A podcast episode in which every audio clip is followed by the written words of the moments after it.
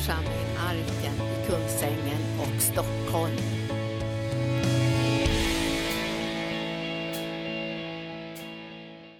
Då välkomnar vi det helige Ande för att göra orden levande för oss. Vi är här för att höra ifrån himlen, vi är här för att bli förvandlade, därför att vi har gemenskap med dig, levande Gud. Vi kommer att få se saker och ting på nya sätt, vi kommer att få uppenbarelse och ljus, därför att du är här.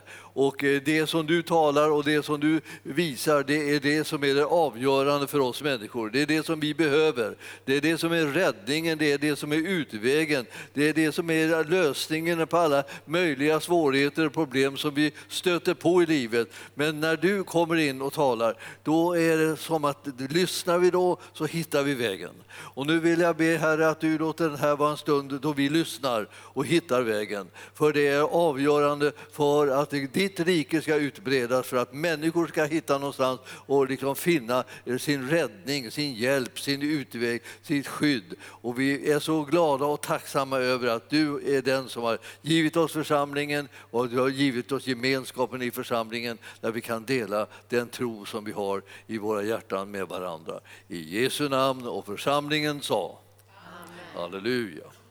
Tack Jesus.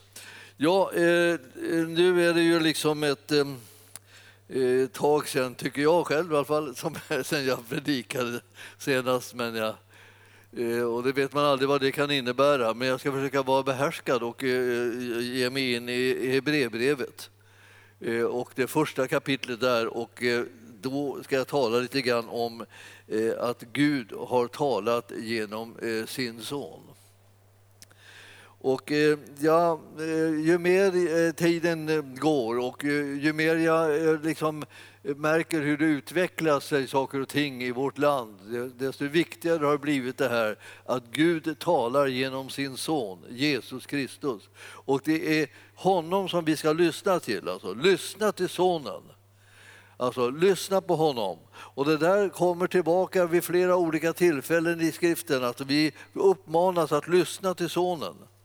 Det är han som är eh, Guds röst in i den här världen. Det är han som förklarar saker och ting, hur det egentligen ligger till.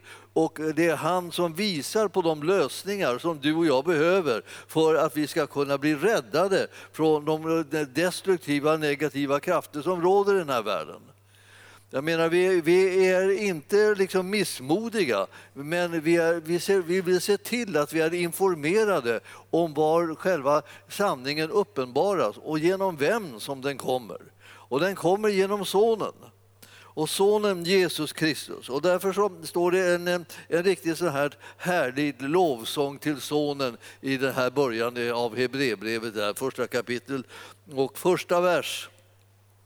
Och jag ska läsa de där tre första verserna där som står som en, eh, som en eh, inledning. Sedan Gud i forna tider många gånger och på många sätt hade talat till fäderna genom profeterna har han nu i den sista tiden talat till oss genom sin son. Honom har han insatt till att ärva allting och genom honom har han också skapat världen. Sonen utstrålar Guds härlighet, uppenbarar hans väsen, uppehåller allt med sitt mäktiga ord. Och sedan han har utfört en rening från synderna sitter han nu på majestätets höga sida i höjden. Det här är liksom en fantastisk underbar sammanfattning om vad sonen har gjort för någonting. Och vi, när vi läser det där, och när, om vi läser det lite sakta så, så märker vi vad som står där. Eh, det, alltså, nu är det ju så där komprimerat så man nästan läser man bara igenom det så här så, så missar man det mesta. Men, men eh, om man börjar läsa det där långsamt och se vad som står så förstår man att den här sonen, honom behöver vi. Om vi inte får tag i sonen, då går vi förlorade.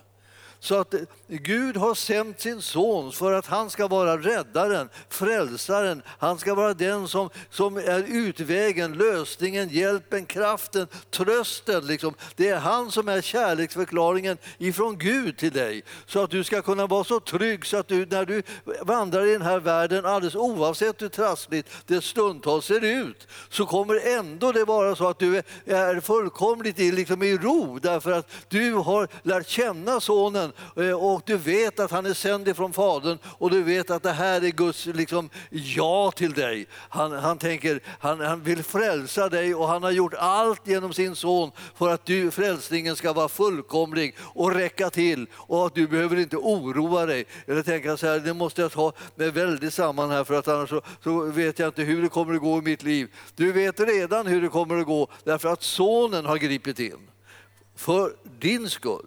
Han har gripit in för att du ska känna att du kan vara en, en person som är frälst och, och försonad med Gud.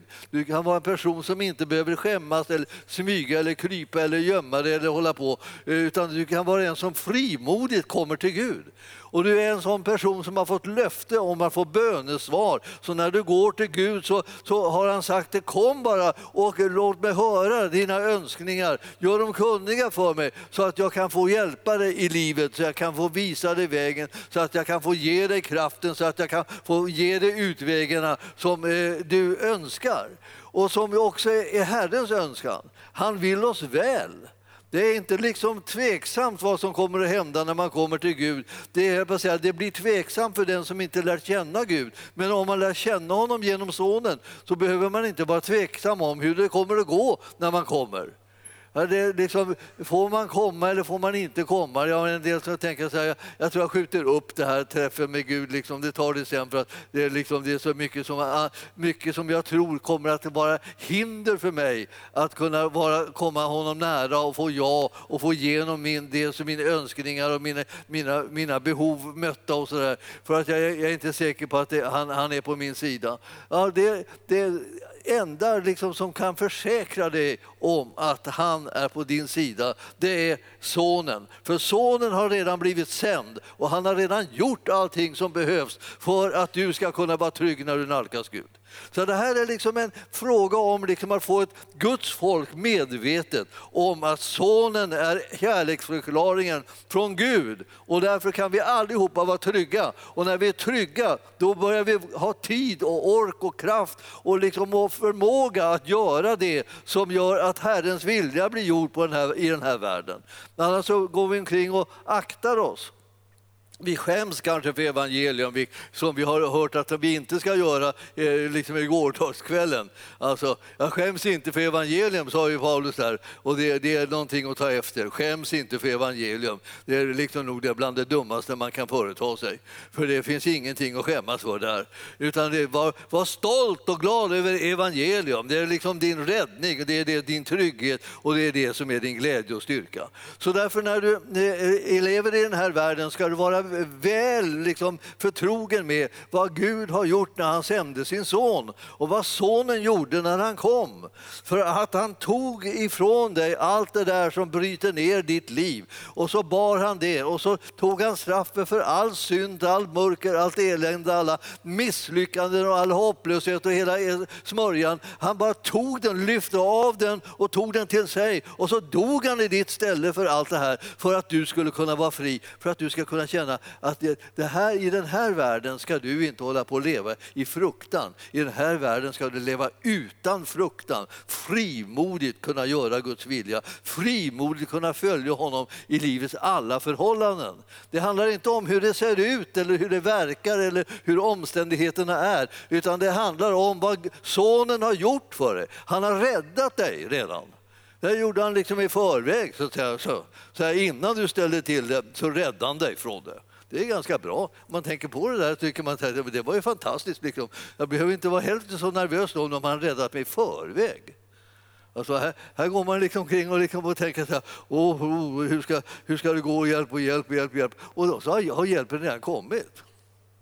Alltihopa, liksom, så att säga, Guds hjälp och Guds ingripande eh, är liksom någonting, en sån kärlek till oss så, och som skapar en sån frimodighet och en sån glädje så att det, det gör att du ska kunna stå för Jesus i alla möjliga situationer, inför alla möjliga makter och förhållanden och omständigheter. Och det kommer inte att vara någonting som skrämmer dig, därför du tillhör det folket som kommer utan fruktan i alla dina livsvagar tjäna den levande guden. Alltså. Du du kommer inte liksom att backa, du kommer inte liksom att krympa ihop till någon liten eh, ynklig hare, utan, eh, eller, ja, eller något annat djur som du tycker liksom är lite ynkligt.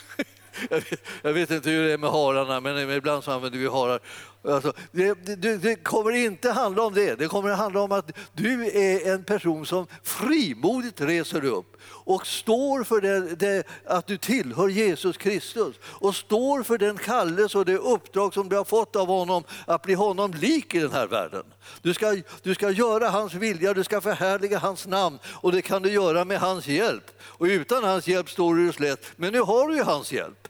Så ja, han har redan tagit på sig allt sammans. Han har redan gjort det och nu ger han det till dig och han försöker tala till dig så att du hör att det handlar om dig. Han vill säga till dig, hör du mig, hör du mig, hör du mig, hör du mig? Att det är så att jag har gett dig alltihopa, jag har gjort allt kring klart, jag har räddat dig från allt sammans, jag, jag har befriat dig, jag har löst dig. Hör du mig?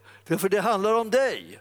Det handlar inte om ja, det var, tänk om det, om det var så ändå. Så här. Och så lyssnar inte du till honom, utan du lyssnar till hur det känns.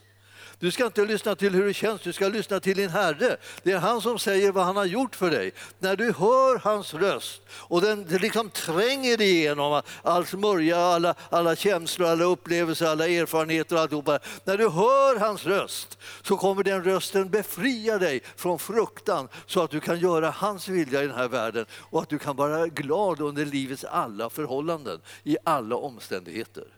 Det finns något fruktansvärt kraftfullt i att vara glad när man inte har någon anledning till det. Ja. Ja, det. Alltså, man tycker inte en enda omständighet har lagt sig till rätta. Ingenting har blivit som jag önskat. Jag har, liksom, jag har rabblat upp liksom alla möjliga saker hur jag vill att det ska ändras. Det ska bli så i och så och så här. Och ingenting har ändrat sig. Och ändå mitt i liksom det där att det inte ändrar sig så tänker jag så här, vad, vad ska jag ta mig till? Jag tror att jag prisar Gud.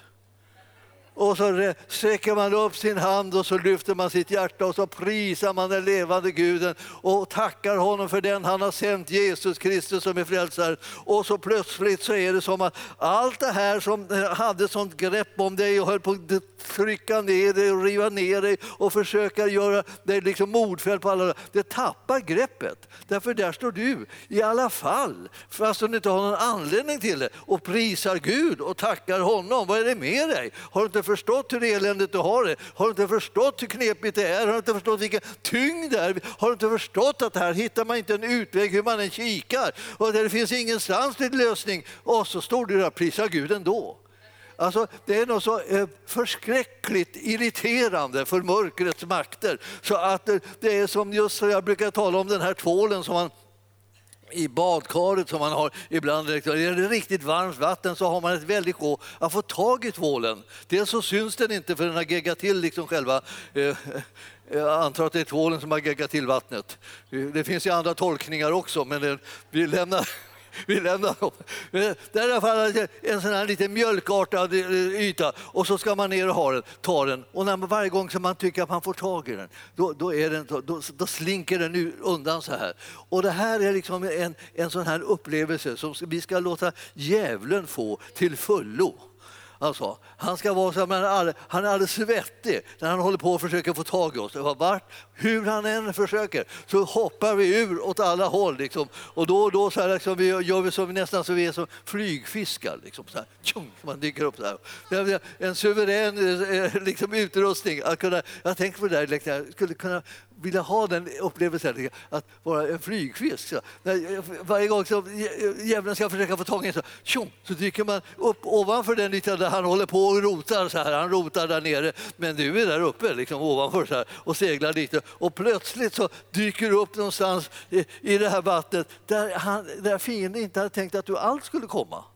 Du, och det, det, finns ett bibelställe som vi brukar läsa då och då till varandra. I tredje kapitlet i Johannes, Johannes evangelium så står det att, att eh, vi, vi är sådana som att man vet inte varifrån vi kommer eller vart vi far.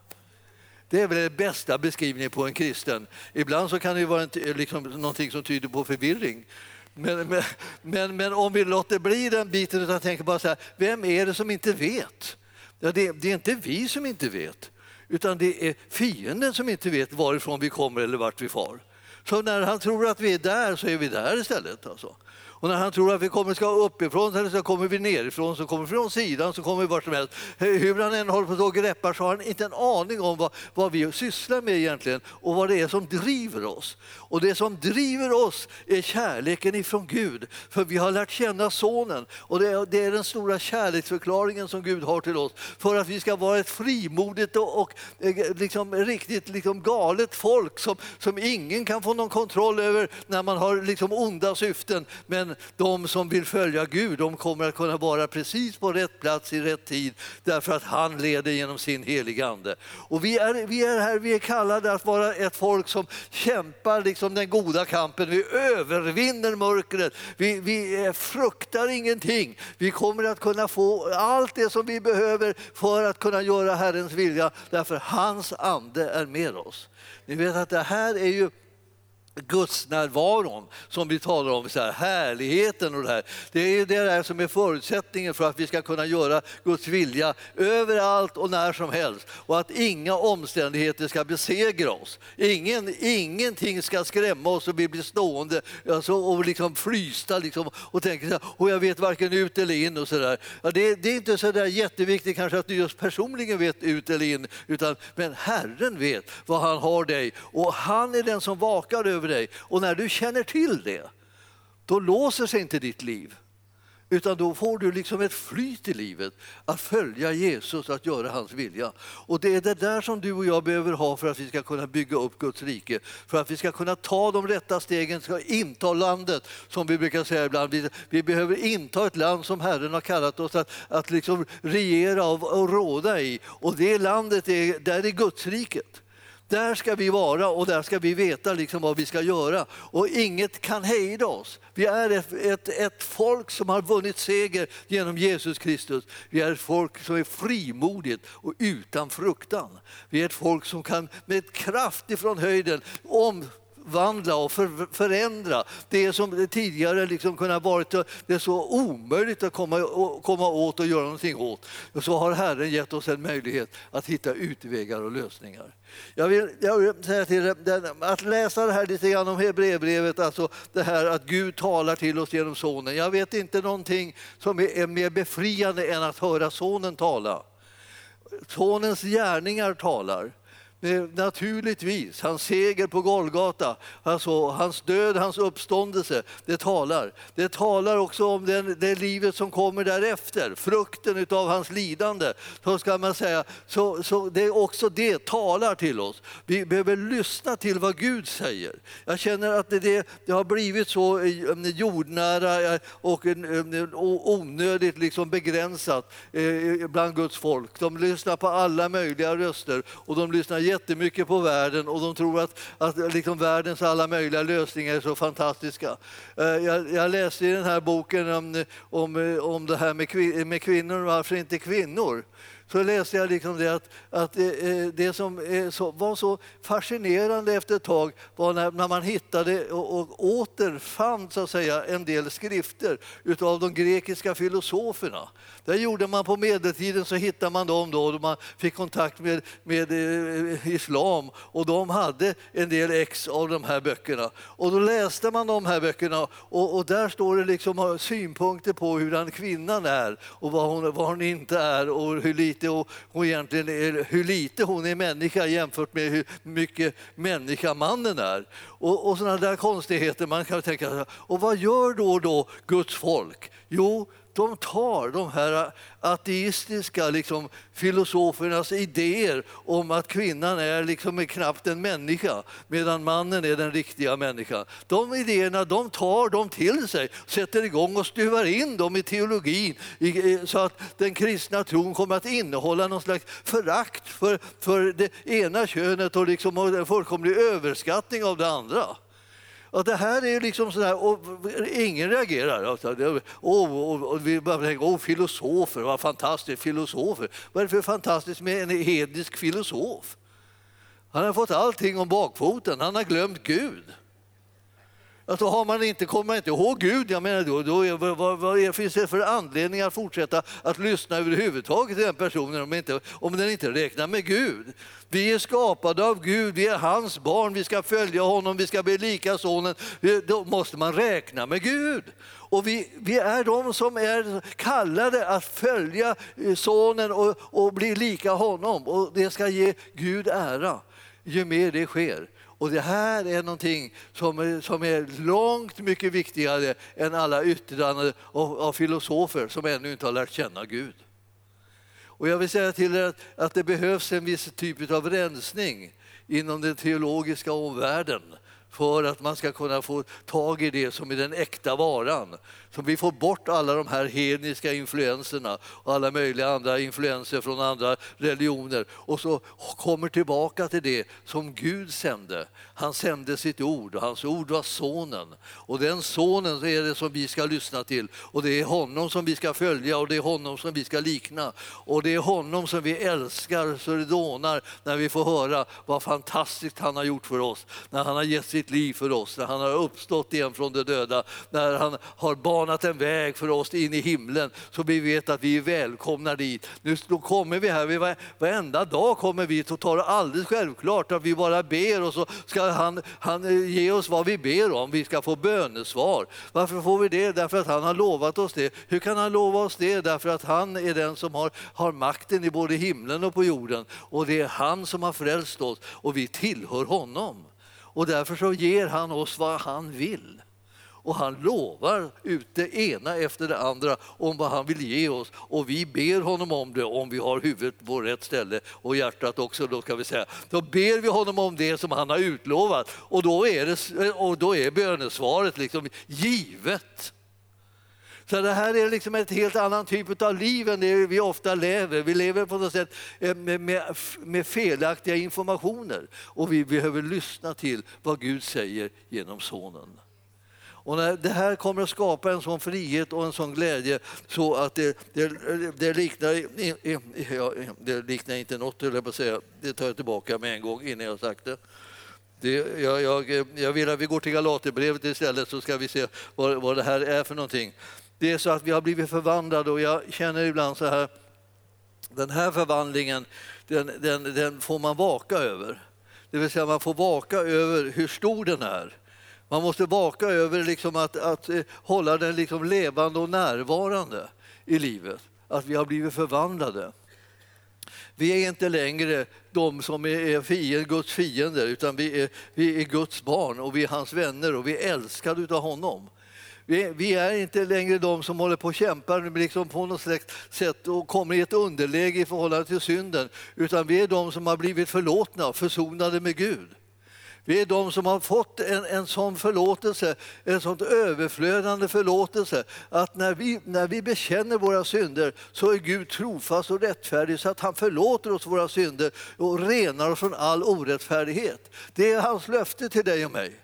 Alltså när vi bekänner våra synder så är Gud trofast och rättfärdig så att han förlåter oss våra synder och, och renar oss från all orättfärdighet. Han har lovat att vara på det här viset när du och jag bekänner vår synd. Alltså, hur det går med synden är liksom redan omtalat innan vi ens har hunnit bekänna det.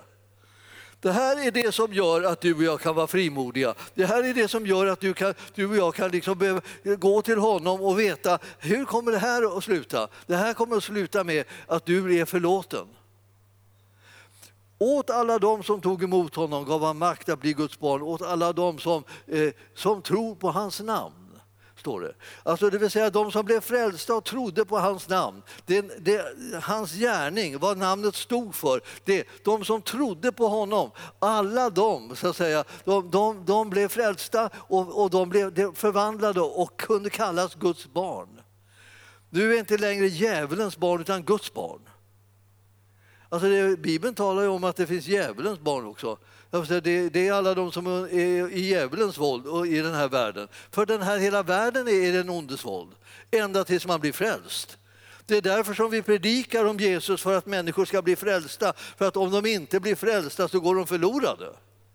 Vi har liksom lite, lite ordning på de här tankarna så vi förstår. Det, det var, behövdes att det kom en frälsare. För att om det inte kom någon frälsare så gick människor förlorade. Då sände Gud en frälsare, sonen Jesus Kristus, därför att han älskade människorna, alla människor. Och alla de som tog emot honom gav han makt att bli Guds barn. Allihopa. Så att om du skulle sitta här nu och inte vara ett Guds barn så kan jag säga att tar du emot honom så blir du ett Guds barn. Det är, liksom, det är så oerhört enkelt för dig och mig därför att han har gjort det som behövdes. Det är hans gärning som gör att vi kan bli frälsta. När vi tror på honom, tror på hans namn, så kommer vi att bli frälsta och, då, och därmed kommer vi att bli hans barn. Och hans barn hör hemma där i hemmet, det vill säga himlen är öppen. Himlen är öppen liksom för oss som har blivit hans barn. Alltså du, du och jag ska räkna oss det här till godo när vi lever i den här världen. Där det ser ut som så mycket saker som, både, som verkar både skrämmande och konstiga och lås, låsande och bedrövliga och eländiga och, och, svåra och allt det här. Och så då är det dags att lyfta blicken och se till honom som har älskat oss så, så att han har sänt sin egen son och som har vunnit en seger så att vi nu inte längre är insnärda i mörkret och har blivit fast i djävulens rike så att säga utan vi är istället inne i Guds underbara rike. Vi har blivit frälsta och vi har fått evigt liv. Den som har sonen, han har livet. Den som inte har sonen, han har inte livet. Det läser ni i första Johannesbrevet 5. Det här är lite mot slutet av det, i, i det kapitlet där. Alltså, det här är så, det är en så, så sanning, så här, den är så enkel så att man tänker så här, får man bara kläcka ur sig någonting sånt här? Kan, man bara, bara, kan det ordna sig så där lätt? Och en del är liksom irriterade på att, att, att ibland eh, eh, erbjudandet som finns i, i evangeliet alltså är för enkelt. Det är tolfte versen. Alltså, eh, eh, elfte versen i femte kapitlet i första Johannes brev står det. Och detta är vittnesbördet. Gud har skänkt oss evigt liv och det livet är i hans son. Den som har sonen, han har livet och den som inte har Guds son, han har inte heller livet. Och det här var ju som... Eh, eh, eh, och nästa vers så står det så här, ungefär samma sak som när, när jag, jag förelägger er idag, står det, döden och livet. Välj livet, står det. Man tänker så här, ska man behöva få ett sånt råd? Alltså, om nu, ska, nu, nu, nu har du att välja mellan döden och livet, vad ska du välja? Och för att, nu vill inte Gud lämna det åt någon slags eh, slump här att du plötsligt väljer fel utan då ger han ännu mera vägledning alltså, fast han ställer det mest avskyvärda mot det mest härliga. Alltså livet och döden. Och så säger han välj livet. Och, och, och då ska du tänka så här, det gör jag. Så att du liksom får tag i det som är givet. Du har fått en sån möjlighet. Detta skriver jag, säger han nu här i det femte kapitlet, första Johannesbrevet här i vers 13 till er för att ni ska veta att ni har evigt liv, ni som tror på Guds sons namn. Ni ska veta att ni har evigt liv. Det är inte eh, någonting som du ska vara osäker om. Jag vet att det är människor ibland som tycker att det, det finaste kan, man kan vara är att vara osäker. Att inte veta någonting säkert det är ödmjukt och fint. Men jag skulle vilja säga att det, det är liksom bedrövligt. Att inte veta om man är frälst eller inte, det är bedrövligt. Man, man, man har rättigheter att veta att man är frälst. Alla har rätt att veta att de är frälsta när de har tagit emot eh, Jesus Kristus och tror på Sonens namn, på hans gärning, hans frälsningsgärning. Alla har rätt att vara säkra på att de är frälsta då. För det är precis det de är. Och nu är de ju så säkert frälsta så att de är säkrare frälsta än det känns. Så att eh, sonen har, har frälst dig som har tagit emot honom i tro. Eh, oavsett hur du känner dig. Så det, menar, det är inte så där som jag när jag var, när jag var liksom tonåring och då skulle jag försöka få ordning på det här hur jag skulle ha det med Gud. Och, och då så, eh, tog jag emot Jesus. Och. Men sen var, gick det några veckor och sen vaknade jag en morgon så var jag inte frälst. Alltså, jag, jag kände mig inte frälst. Och då tänkte jag så här, ah, nu tappa bort dem. Hur gick det till? Vad har jag gjort? Vad har jag gjort? Vad har jag gjort? Jag på så här. Och så började jag tänka så här, började analysera mig själv om jag var en, om jag var tillräckligt bra människa. Och det märker man småningom att det var man ju inte då. Eh, det var ju liksom alla möjliga brister och svagheter och saker som inte hade blivit som det, riktigt som de borde bli. och, så där. Och Allt det här trodde jag blandade ihop med min frälsning. Men det är inte jag som frälser mig, det är han. Han har frälst mig och jag har sagt ja tack till den frälsningen och då blev jag frälst. Då blev jag så frälst som jag kunde bli. Det har inte någonting med att göra att jag blev så skötsam som jag kunde bli, för det blev jag inte. Men, men, men jag är på väg. Jag blir, liksom, blir, mer och mer skötsam. Jag, jag, liksom, jag, jag, jag sträcker mig efter att bli honom mer och mer lik. Men, men frälst, det gjorde han mig. Han är frälsaren. Jag är objektet. Och när han har frälst mig så är jag Guds barn. Och det är du också. Och mer Guds barn än så blir man aldrig. Och det betyder egentligen det, Jesus lyckades. Alltså han lyckades helt och hållet. Och så jag, jag ville bara säga det till er, om du har haft svårigheter med det här, ta du det här till dig när jag säger det. Alltså Jesus han lyckas frälsa oss. Och när vi tror honom om det så tar vi emot det. Och därmed så kommer man in i en trygghet som är helt annorlunda. Man kommer in i en frimodighet och en glädje mitt i soppan som man kanske står i. Ja, man tänker så här, ska det vara på det här viset runt omkring? Det ska det inte. Men under tiden då, medan det ändå är så här, fastän jag inte vill ha det så här, så, så, så är jag glad och prisar Gud i alla fall, för jag är frälst. Och himlen är min och himlen är öppen. Och ingen kan stjäla det här ifrån mig. Alltså ni förstår att det här är det som är ditt läge. Och eh, när, när Gud börja få oss att lyssna till honom om vad han säger om sin son, om vad sonen har gjort, så kommer han kunna få ett folk som blir frimodigt och vågar göra Herrens vilja i alla möjliga olika situationer.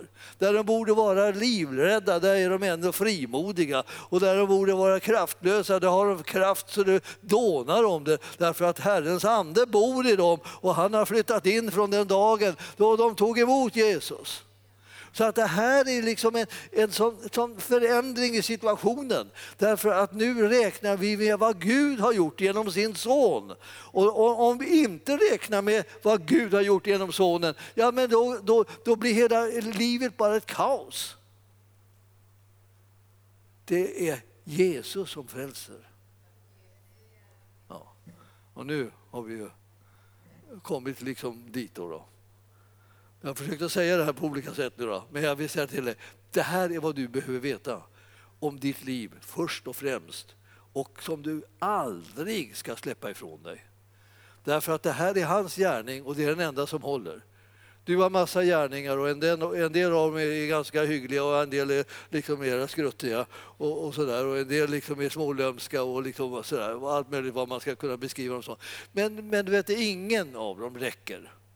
Och ingen av de gärningarna som du och jag gör räcker eller ersätter den gärning som Jesus måste göra för att du och jag skulle bli fullständigt frälsta och kunna bli Guds barn, födda på nytt. Liksom, som är ett barnaskap som ingen kan beröva oss utan som gör att vi kan vara trygga hela livet. Och inte bara i livet nu här på jorden, också utan för evigheten också.